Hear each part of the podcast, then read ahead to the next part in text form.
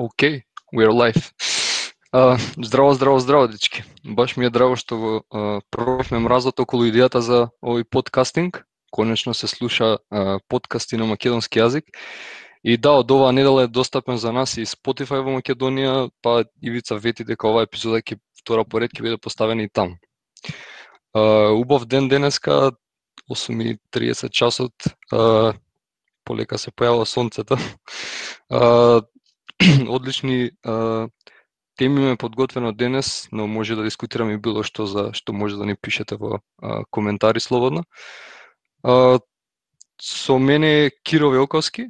А, Кире а, еден од а, здраво Кире. А, човекот кој што прв а, држаше сесија на а, нашите први на нашиот прв AWS meetup во Скопје и а, инаку Киро е DevOps, senior DevOps инженер и е AWS сертифициран инструктор. И што уште не. Добре дојде Киро.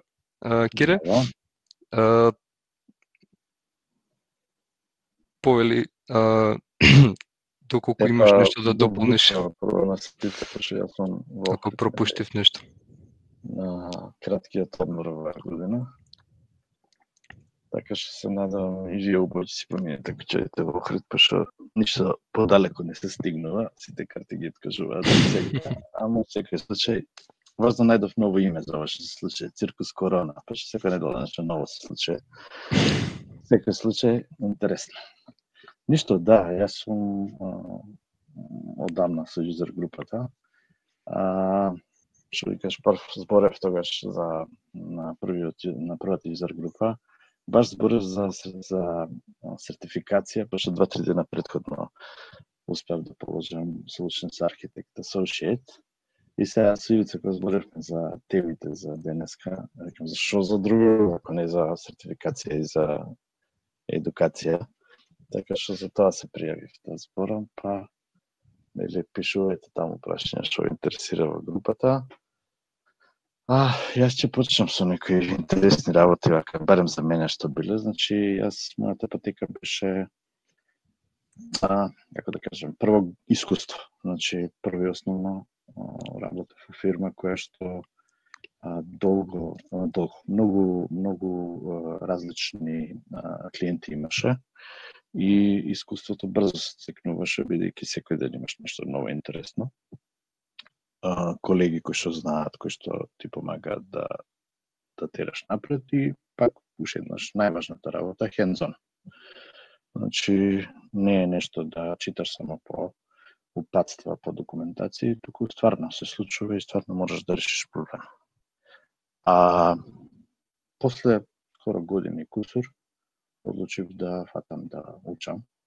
Баш кој еден колега исто така он буткаше напред Значи, препорачувам study group, а, што ќе рече да не тренувате сами целата работа, туку да да најдете некој друг што исто така сака исто да го прави и заедно да се буткате еден со друг, да се влечате, па и материјали да разменувате, да дискутирате. Важно е да имате со кого да, да се да се мотивирате. И нормално, првиот избор беше а, скроз, како да кажам, по навика некако, Solutions архитект, иако токашната работа може би помалку ќе беше да додиме на, да додам и колегава на SysOps, што работевме поче како систем администратор и систем operations. Решивме на Solutions Architect, јас иако сега сум значи authorized AWS инструктор, слободно ќе зборам за тоа што било тогаш, ретовме на Cloud Guru. И Мица исто така го, го предложи тогаш и он имаше веќе полагано на како се вика Solutions Architect и на Cloud Guru морам да забележам дека на брзинка во курсот се натураат работи што ќе ви треба за полагање. За разлика од ова сега што го работам, значи официјалните AWS курсови, они експлицитно викаат дека официјалните AWS курсови не се чиста патека, не се наменети вие да положите испит. Наменети се да научите за за како се вика, за темата, односно во случајот на архитектинг, за архитектурата на AWS. Така што да, одлично е ако имате можност, например фирмове праќа, вие сте партнерска фирма на IWS со повластени цени за курсеви или сте решиле, односно вашиот шеф решил да ве да ве прати, да, одлична е таа работа. Дојдете, но сметете дека не е загарантирано загарантирано вашето полагање со тоа што ќе посетувате архитектинг на AWS. Ќе си фатите други материјали, значи има official uh, study guide на Amazon uh, книга, нормално може да се купи на Amazon, да не зборам сега за разно разни руски сајтови со книги кои што се наоѓаат PDF-ови и така натаму. Значи, во неа имате теми и на секоја тема имате review questions. Значи, тоа е начинот. А, тогаш покрај книгата, покрај Cloud Guru, ми се чини да, беше и Vizlabs. Vizlabs е со прашања за вежба, practice questions. Така што прашањето од Cloud Guru, што и Practice Exams и прашањето од Wizlab за ми а, ме осили. Едноставно кога ќе видиш дека постигнеш 90 на 100 90% на на нив на ти такви испити што се практис, одиш на на се осилуваш и одиш на испит. Нормално нема фос 90 на 100 на вистинскиот испит, сам дека има да се. Така нешто во секој случај а, прилично голем дел од работите се преклопуваат, да кажеме 30-40 на 100, но не е тоа се. Значи, морате да имате знаење пред да дојдете на на practice exams за да за да си помогнете уште повеќе да ги да ги совладате. Морам најмногу од се да го спомнам Linux Academy, Значи, за овие почетни associate курсови, во секој курс има и стади, pardon, uh, flashcards, index cards.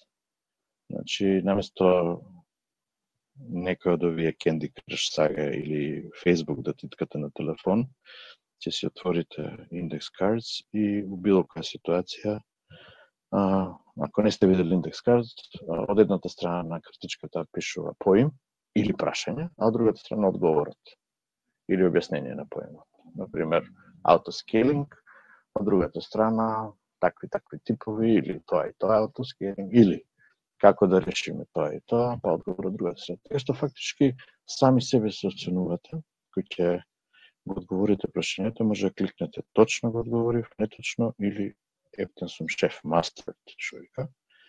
Така што после некој време од тие 300 прашања или 200, зависи од испитот, зависи од темата, миними со по 100, ќе престане некои прашања воопшто да ви ги да ви ги поставам. У секој случај, значи, за мене top of the line е индекс учење, значи со индекс картици, се врежува во главата, помага да се да се создадат концепти и нормално а, нели, со, со овие вежби, со practice exams, си се осигурате да, да одите на испит.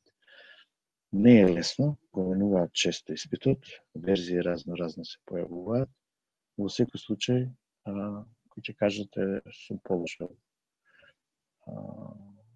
сум станал Certified Solutions Architect Associate. Тоа не значи дека све знаете, ниту по јако инструктор све знам, нели? А, туку дека за, за идниот работодавач кажувате дека сте со ние да терате на таа страна или за сегашниот работодавач, дека терате клауд, дека концептите добро ги знаете, дека сте сигурни во таа околина, дека не нема да направите некоја тешка глупост, пошто а, за како беше да грешише човечки, за хаос треба клауд, мислам, онака може да се чудиш кога измеки излегуваат од најситни малечки грешки Така што, а од друга страна, помоќта е огромна. Нели? Знаеме веќе придобивките од клауд. А, така што, пак уште еднаш, значи, отидов на архитектур. Вториот ми беше System Operations, пошто стварно ми требаше за таа работа. После 3 месеца месечини и после 15 дена месец дена отидов на девелопер. Во тоа време сите за девелопер викаа дека е најлесен и навистина беше најлесен. Бидејќи ако се вика девелопер, поше е околу концептите, не е околу вистинско работење со со како се вика со девелопинг на на клауд. Значи,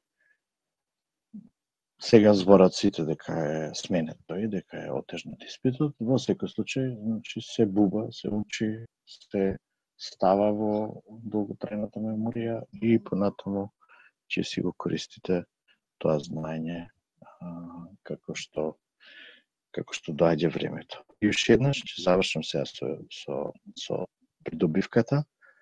Сигурно е многу подобро да ви имате знаењето денес, еве на пример сега сум или на плажа лежерно да се учам без проблем, инаку спремам сега DevOps Pro.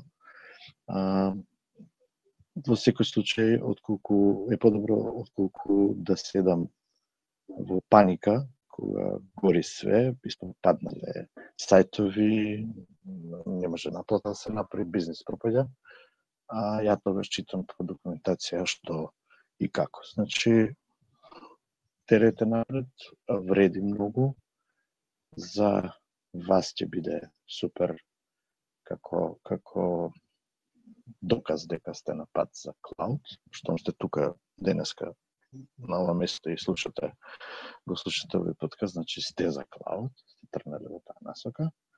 За работодавачот, знаеме како оди во Македонија, го препродава вашето знаење на, на клиенти, многу полесно е да каже дека вие сте тој, тој, толку и толку години искуство, тие ти сертификати, отколку да објаснува на еден проект за еден голем банкарски клиент од една голема западна европска земја.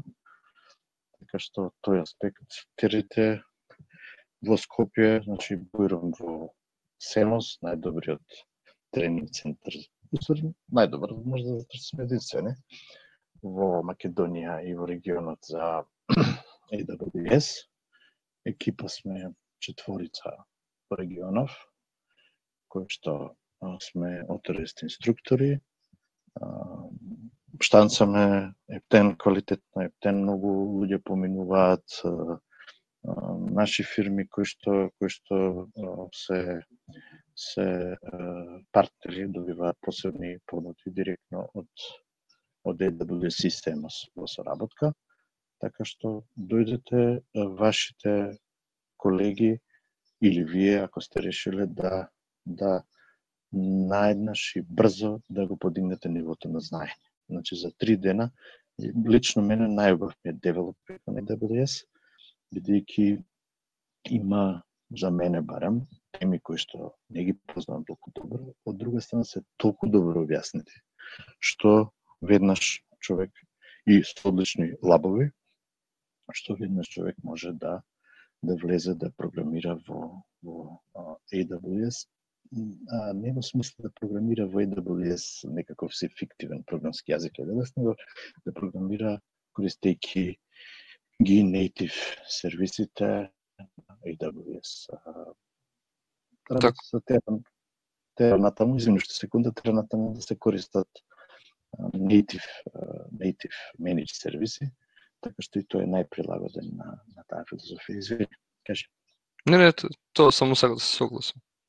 Да. Дека Е, сега, да, кажи, ја сам се зборам ко немам навика на вакви Тоа дека не е баш нели насоката на класично програмирање во AWS, туку помагање на програмирањето во AWS.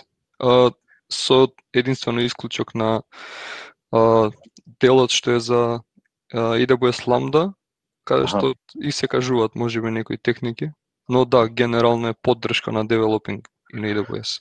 А, колеги што имам од работа, кои што поминаа девелопинг, знаеш, им отвори очи. Еј, па оваа работа, е оваа работа, знаеш, од тој аспект е добар девелопинг. Значи, на страна, тоа што ќе добиеш на крај ако положиш е, сертификат, значи знаењето е навистина, навистина окей. А, така што од бенефитите се а, тие. Е сега, што се однесува како да изведете таа работа, баш тогаш која пред две години, две и пол години која полагав, а, воведува кај нас да може да се полага во Сиус. Така што јас имав среќа таму полагав, а некои други колеги полага а, во Белград. Значи немаше во Скопје. Денеска имаме три центри во Македонија. Имаме Семос, најдобриот, нели? Сивос и ЕАЦ. ЕАЦ е одека кај Беко, кај ВМРО зградата. Некој министерство ли е тука шо ли е. Во секој случај, сите три се добри. Значи, нормална атмосфера за полагање. Работат и сега, проверено, значи во едниот од нив полагав јас. Тој беше само отворен кој еат вамо во центар, во Сивус имам полагано, во Семос имам полагано. Значи, добрата страна според мене е тоа што полагањето во тест центар ги префрла врските околу подготовка на околината, подготовка на линкот и така натаму. Согласувам за ова. Предавател. Е, така, баш ќе кажеш и ти се скоро полагаше, како мислиш? Од друга страна па, од дома кога полагав, скоро го правев тоа, земав на дак тейп, како се алуминиумска трака, па го ја лепев жицата случајно некој да не ми ја прегази уходник за да бидам на жичен интернет, па во последна секунда службениот лаптоп го пуштив систем тестот, не кеше маусот, два на саат се влечкаше, не ми работеше, брзо да го земам стариот мој лаптоп, го пуштив проработе, па се беше така фрка, нели? Во секој случај испразнив една соба од деца скоро на купче работите на едно чоше да, да може да биде околу мене празно. Во секој случај, како да кажам, тие работи логистички ги презема некој друг. А од друга страна па можев да скеджулирам, ако сакав и три ноќе, ќе можев да го полагам. Значи си има добри и лоши страни. Почна да збориш, извини, баш ти се полагаше. Што мислиш за ова, за онлайн и за... Па да, ќе се, ке се надоврзам на тоа дека да, баш а, првиот испит го полагав во декември, тогаш уште немавме проблеми. А, девелопер го полагав сега во мај и да, ја имав како и сите можноста да полагам и онлайн, но а, може би огромен процент од а, луѓето кои што полагаат го избираат и тој начин, бидејќи баш пофлексибилно и а, нели до пред некој месец кој беше главниот проблем дека и беа затворени канцелариите така што не може да прокторинг центрите така што не ни можеше да се полага. Да, не може. да. А, сепак го избрав тој баш јас чекав да се искрено да се отворат центрите. Па што знам, искрено испитот трае доволно долго да малце контрапродуктивно на полагањето е да не смеш да правиш некои движења, да не се вртиш лево, десно, горе, доле. Јас седам и гледам на кој екран, стал рака на уста и тој ми пише прокторот. Да, да, да. Не рака на уста, знаеш, и да вече. А вама е полабаво, значи. Да, тоа то е одлично сега што можеш да отидеш во центар, секако а, доколку има а, јас полагав во Семос во аеродром, каде што имат две слободни места за полагање, бидејќи оваа ситуација моментално е дозволено само еден да полага и буквално сме јас и нагледувачот и нема нема на што да се замери доколку направиш нешто, секако немаш внатре со тебе никаква опрема, единствено дури не ја носиш ни маската внатре, нели бидејќи може да имаш е, да, овие да, да се, бубици такви работи, да, се, се проверуваат после снимки. Е. Аха. На ракавици. Да. А, друго, а имав ситуација баш во Семос, имаше прикин. И нормално беше што што е дечко што работи таму. Деки беше, мислам. И да. он се се мачи, он пушта интернет, гаси, ја чекам. Значи, не се замарам, не се нервирам. Да. Дома би бил, кога би имало преки, би било хаос. Значи, да знаете само, а, прилично се, прилично се фер во однос на тоа AWS. А, малци имат звонање во Америка преку Skype е бесплатно, звониш на некои броеви и во случај ако имаш прекин, а, ги враќаат парите. Значи, ќе си полагаш повторно, ако случајно ти пропадне линкот или не знам што, значи не се стрикни тоа да речат ептен, твој проблем, ти ги зевавме парите. Просто телта на Амазон, на било кој друг од овие што даваат како се колбуки и испити, не е целта да те да ти зема парите, него е целта да направат уште еден човек на нивна страна, значи уште еден човек така. се разбие во AWS, кој што ќе промовира, кој што ќе бутка напред, така А, значи, закажувањето ти го правиш онлайн, така? Така, да. Да. И јас сум закажувал онлайн, а тогаш кога полагав, не знаев дека можам да додадам English as a second language. Не интересна информација, да? Да, значи тоа е плюс 30 минути, ако ти одобрат, а одобруваат скоро автоматски за регионов. Значи нас И е не перманентно откако е одобрено. А, ти го ти го одбра тоа кога Па да, и уште на првиот баш Киро Да, ми го ми го да. предложи тоа. Не знаев Да. јас за информацијата. И да, добро е тоа што еднаш го избереш и едноставно а, не мора значи ка ние дека ако полагаш не разбираш доволно англиски, не си а, стручен да, да, да ги одговориш толку брзо тие прашања, едноставно зошто да не се добијат 30 плюс минути ако го имаш тоа време. Тоа- Искрено е, мене поготово за девелопер можеби ми остана а, повеќе од саат време, така што ги одземеме тие 30 минути, сепак сум бил комфорен уште минимум пола сат. Така што не е страшно, али а, а, допринесува на тоа да сте уште покомфорни да ќе одговарате Да, прашањата. полабав, да. Да, да. да не се секираш толку. А, морам да кажам дека ако имаш а, енеблирано таа, како се вика, ASL плюс 30, а, нема да можеш да закажеш онлайн, ми се чини, а, Proctored а, испит. Значи не дозволува person in view да закажеш. Ти преку PSA закажуваш или Преку PSA и двата, да. Да, да. Значи, person, ако имаш ESL плюс 30, можеш да одиш на телефон. А, значи, има некој број а, на кој што се јавиш во Америка преку Skype и се чека долго време да се јавиш, па таму дека се објасниш документи ова, но секој случај изводливо. Еден друг колега па кажа дека фактички можно е да се да се да закаже на некој друг број уште побрзо, може да побарам евентуално, да побарам ако некој го интересира кој беше тој број вториот. Не е објавен негде јавно. Во секој случај, значи, пред, препорачувам лично, според искуство на луѓе околу мене, ја ќе си го активирам сега за, за DevOps Pro и за Solution Architect Pro, значи 30 минути кои ти ги дава. Тоа, не знам, нешто прашање ако имате, пишете во чет. Нормално тука сме цело време, Кироваковски Семаском, ака Кироваковски Gmail.com, во Meetup пишете .com во групата.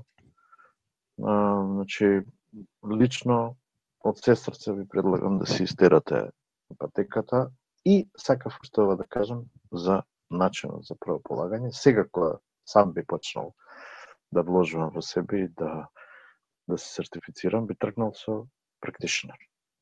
Значи, практичнер е еден нова, добар а, курс кој што а, е релативно нов кај AWS, а, во кој што ги познавате основите основите на AWS и воопшто на Cloud. И од друга страна, во моментот кога ќе го положите, добивате ваучер за 50% попуст на следниот курс, на следниот полагање. Значи, ако дадете 100 долари за првиот, 50, за вториот ќе платите 75. Значи, за 175 долари ќе имате два испита положено. А вака за 150, ако директно одите на на некој од овие associate испитите, ќе за 25 долари два испита. Значи, лично, кога би одел такво, за 25 долари разлика, би одел на, на таа варијанта. Ја веле напишала во чет, Да, Значи да, Cloud Practitioner дефинитивно и значи ова што викаш второ, трето, четврто, што ти треба за на работа. Тоа друго прво. Значи ваму кај што бевме SysOps беше најважно, сега кога би, би терал, би терал, например, ако сам плаќам Cloud Practitioner SysOps, тоа би бил редоследно. Значи, првата најважна работа за, за на работно место. Тоа е моја препорака. Да, и може би ако а, пак немаме преодреденост, обично по, најпрепорачено е а, во тој случај да се оди со, со архитекта, со ушијете. Дури и баш ако ги... Да, повели, повели. Го кажа Cloud Practitioner као една скастрена верзија на архитект. Значи, основите, да, да, да. една третина од архитект имате у Cloud Practitioner. А, еве од друго, за Ажур и за Watson, па јас сум на патека за Ажур, заради тоа што работим в пристап до проекти со Ажур и решив да исторам и таа работа. Значи, секој, секој клауд, Па што ќе го кажеш? Да, утре ќе бе Kubernetes, не знам, Google Cloud Platform. Фино би било, се разбира ти сама ќе си осетиш дали ти треба уште повеќе такво знаење, студирање, учење, структурирано или ќе сакаш на работно место да се да, да си да се обучуваш. Во секој случај Вотсон, IBM, не знам, немам а, искуство, немам многу допир. Знам дека во Битова имаше а, некоја фирма која што работеше со IBM. Углавно тоа заследува на а, колку луѓето имаат пристап до а, кредити бесплатни за користење на некој клауд, бидејќи и Ажур дава, и AWS дава, и сите даваат. Од тој аспект мислам дека и за Watson, ако ако имате кредити, неверојатно ќе работите најбием. Да, предпоставувам дека само не сум запознат со со испитите. Например, тоа што забележав со Ажур, различен е различен е акцентот на знаењето. Кај AWS е по uh, the big picture, како да кажем, по помалце детаљи uh, има во околу изведбата на некои работи. А поише е така, концептуално, не различно е. Во секој случај, да, препорачувам едно и друго. Нормално, со AWS да прво почни заради тоа што најголем на пазарот е сигурно AWS и најлесно ќе го ќе го искористиш. Во секој случај журе е одличен Да, и во секој случај моментално секој клауд сертификат има има тежина и тоа најголема би рекол според мене. Така што во однос на сертификатот и мислам знаењето што е потребно да се добие тоа е а, секако а, има вредност. А, јас уште иницијално може би дополнил нешто околу ова пред да предам на мојата тема. А, сум го чул и на останати AWS Meetups конкретно на баш последно на Адрија Meetupот што го имавме на овој простор. А, да. Да, да не се сеќавам, мислам дека беше Марија Радженовиќ, но баш добро а, кажа нешто кога зборуваше за сертификациите дека а, не е ретко и да се сретнат личности кои располагаат со сертификати од AWS, а го немаат она темелно знаење потребно за секојдневна работа. Значи, доколку сте нови во AWS, тоа е сосем окей. Доколку сакате да сертифицирате, тоа е уште подобро, одлично. Немојте да се форсирате со сертификатот како да е тоа крајната цел. Крајната да. цел, барем она според која што јас се водам, е да првично добиеме знаење, а дури потоа ги пополниме овие дупки што се потребни за да се добие тој сертификат, нели? Најчесто тоа се некои софт лимити или уште некои ситни подобри практики што треба да се да научат можеби за испитот и само со една цел да биде сертификатот да му дадеме име на тоа знаење што веќе го имаме.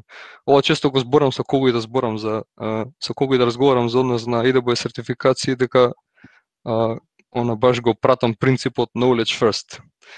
Тоа е оно што што сакав да го кажам. Зато и значи не ви е крајна цел и не ви е све постигнато момент да земете сертификат.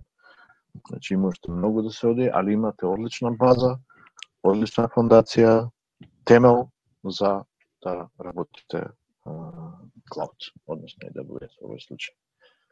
Така. Кевица ти благодарам што ја отворивме оваа тема. Мислам дека е многу, многу корисна, поготово што растеж која нашето комјунити во, во Македонија и а, се повеќе нови луѓе што се приклучуваат Да, баш одат се- оваа да. носека, почнуваат со сертификации, така Да. што мислам дека Имаш е супер корисно. време, Да, да, значи слободно. не, неверојатно, барем имам чувство дека последно време се повеќе и повеќе ова интересно за се повеќе луѓе, се повеќе ме прашуваат. Мислам дека е работата со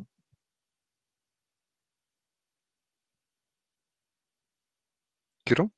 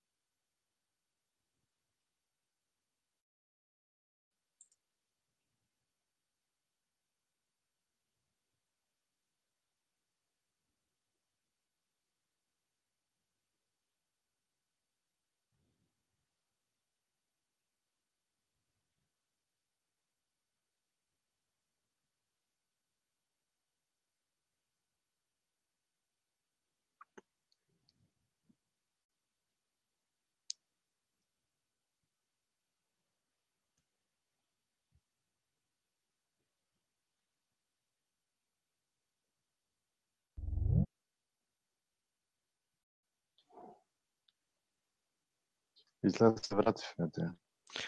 Се слушаме? Да. Јас слушам, да. Океј, имавме некој мал проблем. А, па да, а, имаш уште нешто да дополниш Киро околу ова или Па, Значи пак знаењето имаш право скроз тоа е целата работа, тргнете со знаењето, а ова ќе ви биде доказ дека сте на правилен пат. Еве гледам коментари има. Тарко спомнал баш дека има луѓе со положени сертификати, нема воопште свој AWS акаунт, ниту билдер ни неков некаков проект. Да, скесите испите сите испити е можна таква манипулација, знаеш, она брзо излегува на виделина. А штета е покрај free можност или кај да бидеш да останеш без без свој акаунт и без проба. така. А, не знам дали го знаете amazon.quicklabs.com, там има десетина лабови, значи напишам во чат, бесплатни, не ви треба ни картичка, ништо, оке, да не, да не го киднапирам време, повели натаму, за прашање за све, слободно контактирайте ме кога сакате и како сакате. Ти благодарам, Киро. Ја може би ќе зборувам малце по-техничка тема, ќе се уедам да не навлегувам баш толку длабоко во детали, пошто сепак ова не е класична презентација, туку идејата е да а, размениме некои новости што се случуваат моментално во IDBS, а постојано ги има. А, она за кое што јас сакам да зборувам е од доменот на серверлес архитектурите и проблемот за кој што ќе зборувам и решението пота. проблемот за кој што ќе зборувам се сретнав околу уште околу 2017 година и од тогаш навака го а, пратам како топик. А, како што ни е познат, извините само ако може ми потврдите дали ме слушате. Да, те слушам. Да, ке, супер. А, како што ни е познато, RDS во AWS да служи за хостирање на релациони базни податоци. Можам да кажам дека до скоро време работата со релациони бази во серверлес архитектура беше наистина тешко. А, зошто?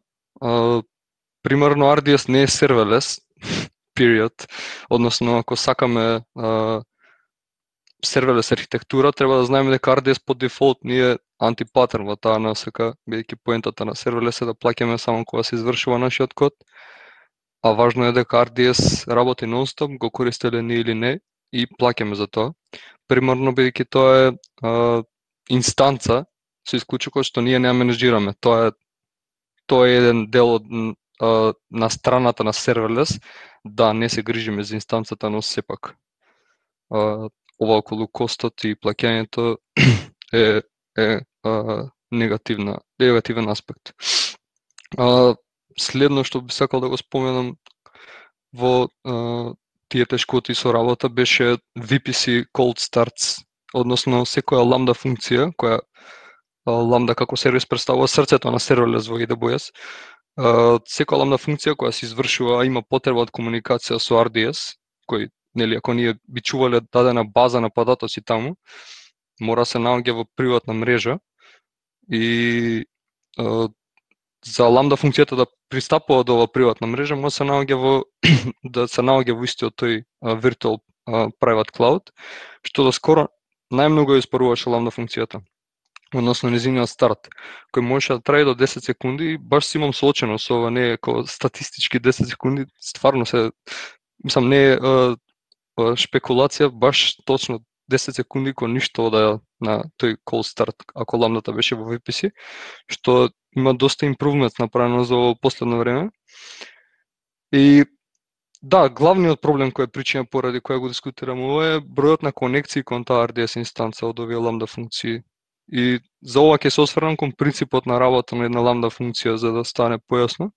Значи секоја конкурентно извршување на една ламда функција значи дека има посебна инстанца од истата и таа е приказна за себе. Значи сите варијабли, конекции консети, трети сервиси се одново инициализирани во секоја конкурентна инстанца од таа ламда функција, што значи Што значи ова? Значи дека доколку имаме ламда функција која обслужува еден наш вебсайт на кој што корисници едноставно прават subscribe. Ламда функцијата да речеме дека во позадина го запишува мејлот во база на податоци. Тоа значи дека за секој корисник кој би направил subscribe ќе имаме ново извршување на ламда функцијата која во позадина креира нова конекција кон релационата база кон RDS и сега замислете да има 1000 вакви повици, мал RDS инстанца веќе ќе падне целосно. Едноставно секоја од конекциите значи и дрейн на, на CPU power на RDS инстанцата. И самиот лимит на конекција исто така и ќе убие инстанцата. Решение за ово инициализирање на конекцијата а, до RDS во иницијалниот хендлер на ламда функцијата, знаеме дека ако ставаме код што е во хендлерот, секоја варијабла и секоја конекција во истиот се реискористува во наредна итерација на извршување, па доколку го направиме тоа, секој извршување на ламда функцијата ќе искористи таа веќе инициализирана конекција за да изврши нешто, а, за да изврши некој квери кон RDS, например. Се дека ова ламда не е нели со warm start, односно била веќе извршена предходно, и стои уште неки период активна, секако без да плаќаме, бидејќи не е поради наша потреба останата активна, туку нели AWS Lambda сервисот предвидува дека ние може веќе извршиме следно извршување наскоро, па зошто да се сетира нов нова околина, да се поврзуваат сите тие а, мрежни а, сетинзи на, на околината, кога може да остане активна. А, и Да, тоа е едно од решенијата на не доколку извршувањата се конкурентни. Например, како што реков, доколку овилјада корисници, например, направат subscribe а, во истата а, во истата милисекунда, она баш конкурентно. А, овој трик со користење на хендлерот ќе ни падне во вода, Зошто? бидејќи примерот каде а, ги имаме илјада корисници, значи дека ќе мора да се извршат илјада конкурентни а, инстанции од а, ламда функцијата. И ако секој од нив инициализира нова конекција, повторно сме на стариот проблем. И да, тука има дополнителна дискусија околу лимитот на конкурентни извршувања, во што споменувам илјада алгоритма по која ламда сервисот сепак ги пушта овие конкурентни извршувања. Ако некој а, е веќе длабоко навлезен во оваа тема, а, ќе го примети тоа, но за а, for the sake of time, што го имаме не би навлегал длабоко во тоа, доколку сакате може да збориме на крајот на подкастот или ако некој го интересира слободно може да ме контактира. Да, значи повторно имаме проблем. А, сега за ова лично имам поставено конкретно прашање на AWS конференција на кој сум присуствувал. Не знам колку е познат Жулиан Саймон, тој е AWS евангелист. А, баш го имам прашано околу овој проблем и во тоа време едноставно, тоа беше можеби 2018 година, ми одговори дека нема решение во оваа насока. Единственото решение е да се оди со кастом принцип, самите си направиме еден микросервис, овој микросервис да не ги менаџира конекциите, односно ќе држи една или неколку активни конекции кои ламда функциите ќе ги користат преку микросервисот, а тој ќе ги држи активни и ќе ги реискористува. Uh, и еве го сега скоро, а, мислам дека баш вчера или завчера излезе и а, а, generally available а, RDS proxy. а, што е ова? Па ова е токму микросервисот кој требаше сам да го направам у 2017 ако сакав. Сега а, е а, а, достапен сервис. RDS прокси е прокси која а, и се доделува на дадена ламда функција да, работи на принципот на ламда функција, значи доколку имаме пет различни ламда функции ќе мора да се посебно прокси. Важно е дека доколку се а, поврземе со истите кон ова прокси може да се поврземе со истите креденцијали како и до и до базата. Значи истиот юзернем и пасворд или преку AMDB автентикација а, и потоа проксито ни ги менаџира конекциите, односно возможно реискористување на тие конекции помеѓу повеќе инстанции од истата ламда функција, наместо да се творат нови и нови.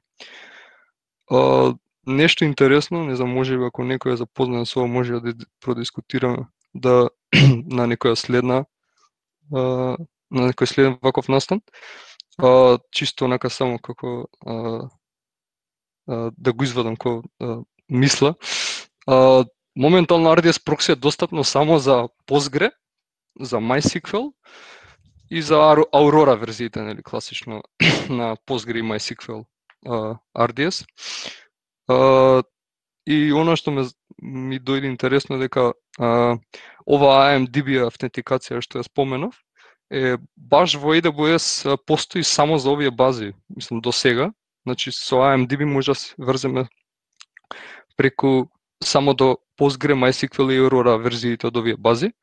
И баш е RDS прокси сега, кога излезе, е достапно само за тие бази. А, иако не е изфорсирано дека IMDB мора да се користи, значи како што реков може да се користи username и пасворд класичниот за до база, но не за може би има некаква врска.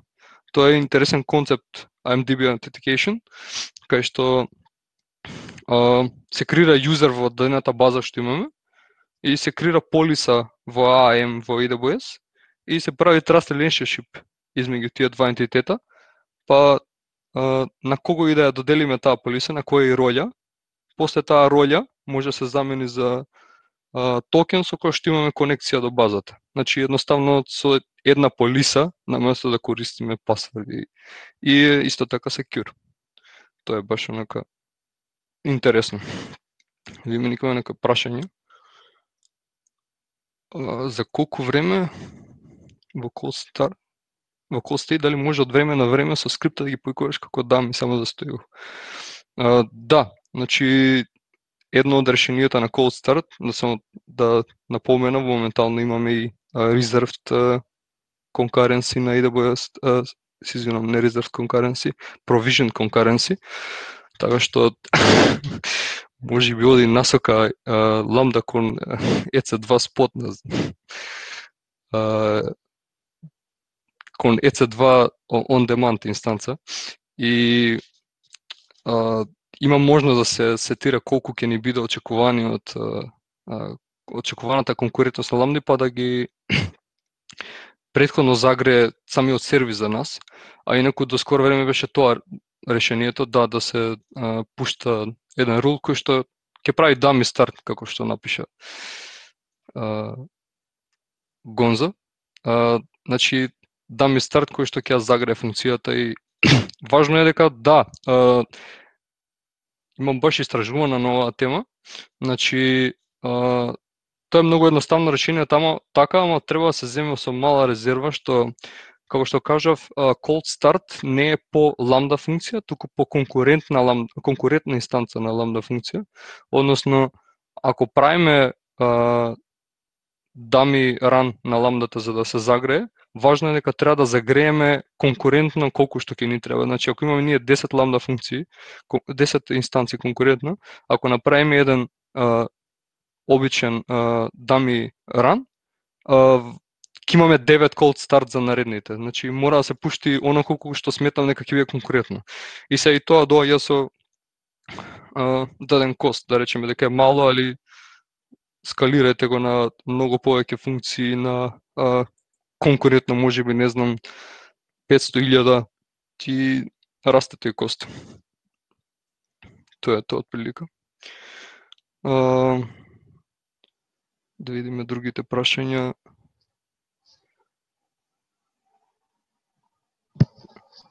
Не може да си има ламда функции кои се доста мали во код, а си има хендел подај кој прави вработување. не знам баш дали добро разбирам од плика мислам ако мислам на, на, на тоа, а, мислам ако а, го разбирам добро прашањето, а, точно баш ламда функциите се препорачливи да бидат што е можно помали, иако нели а, важно е да напоменам баш нели а, според тоа како одат трендовиве на користење на серверлес и се користи погрешно, така да AWS наместо да не одбива а, и да, да не учи на боле практики, а, ни ги возможуваат, ни возможуваат нови сервиси и нови фичери што ни го помогаат тој, ни ги помогаат тие антипатерни што ги пратиме. Uh, добро случајов и може би не е толку антипатер. Например, се дешава често да имаме ламда функции кои што имаат огромен код, што у принцип се реискористувани с ламда функциите. И се нема идеја тоа да ние ќе си го идвоиме кај нас во код во репо како лайбрари, али секоја ламда функција да го има со, со секоја од ламда функциите да го прикачуваме кој пакет не е не е баш паметно, па нели а, од пред а, две години излезе поточно пред една година на прошлиот не овој прошлиот реинвент а, исклучи Lambda Layers и секој код што ни се реискористува низ ламда функции, го ставаме како посебен леер и потоа само се користи во ламда функциите. А, у принцип е прачено да тие бидат мали и да прават а, стриктно една задача, да нема мешање. А,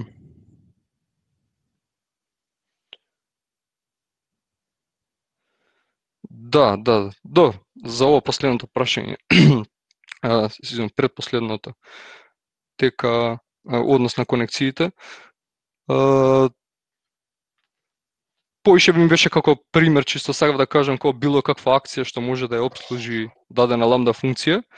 И сега сакав да, да дадам пример кај што ламда функцијава за тоа што ќе биде повикана треба да изврши а, нешто во а, некој квери во базата. Значи независно. Инаку да, се сложувам, има секако има решенија подобри, но чисто онака како обичен пример сакав да кажам за во кој во кој случај како ни се отварат конекциите доколку ламда функцијата пристапува кон RDS. А, токенот кој што се добива а, токенот кој што се добива при размена на ролјата за да се за да се а, пристапи кон базата, а, не сум сигурен 12 или 24 часа стварно не сум моментот. А мислам дека би било 24 часа. Не е важно, мислам. Отприлика толку е. Може би е голема разликата, пола ден или ден, може да се провери, не е страшно. И да, тоа е тоа отприлика нешто Киро, не знам дали сакаш да се надоврзеш, не знам дали ти е а... Не, не ми е многу вам да, да. бидо круг. Да, тоа се кажам дека отприлика девелопер акаунтот, девелопер сертификатот се базира на неколку главни теми од кои што една е ламда и на вистина може би не знам 30% прашања се околу ламда и останатите се околу CI/CD. така што морам поменам дека тоа што работам последниве три години со Ламда баш ми помогна за а, како што кажа, веќе го имав знаењето за сертификатов односно тој дел, само се а, околу тие Само го а, да, софт лимити само го малку надополнив и баш се потврди, да. Тоа. Тоа ми беше поентата. А, Ивица праќа многу поздрави, не може да се вклучи. Значи, и ние да го поздравиме и да му се заблагодариме за организацијата од првиот ден од првиот изор груп до ден денес кај тера ја бутка. Фала ти Ивица. Па следниот пат ајде. Па па ќе се уклучиш. Да, а, па јас сакам да му се заблагодарам на Ивица и а, баш за оваа иницијатива, мислам дека е одлична шанса да растеме како комјунити. А, би сакал јас да ја поканам сите што сте тука со нас или пак а, верувам ќе го гледате ова видео потоа.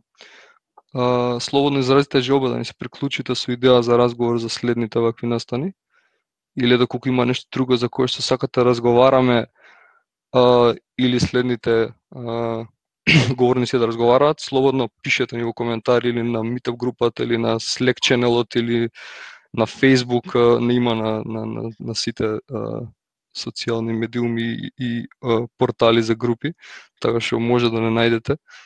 А, така што слободно пишете и изразите некоја желба за некоја идеја која што би ја разговарале следниот пат, дури да не сакате вие да споделите па- нешто со нас.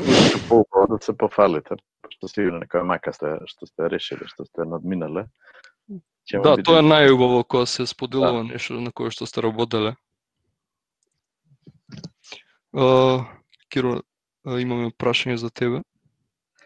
Каде, не гледам. Линкот за за за Quick Labs. Може не да го утнав. Не бе, тоа е копи пест ме направив. А, Да, тоа е линкот. Копи пест направив.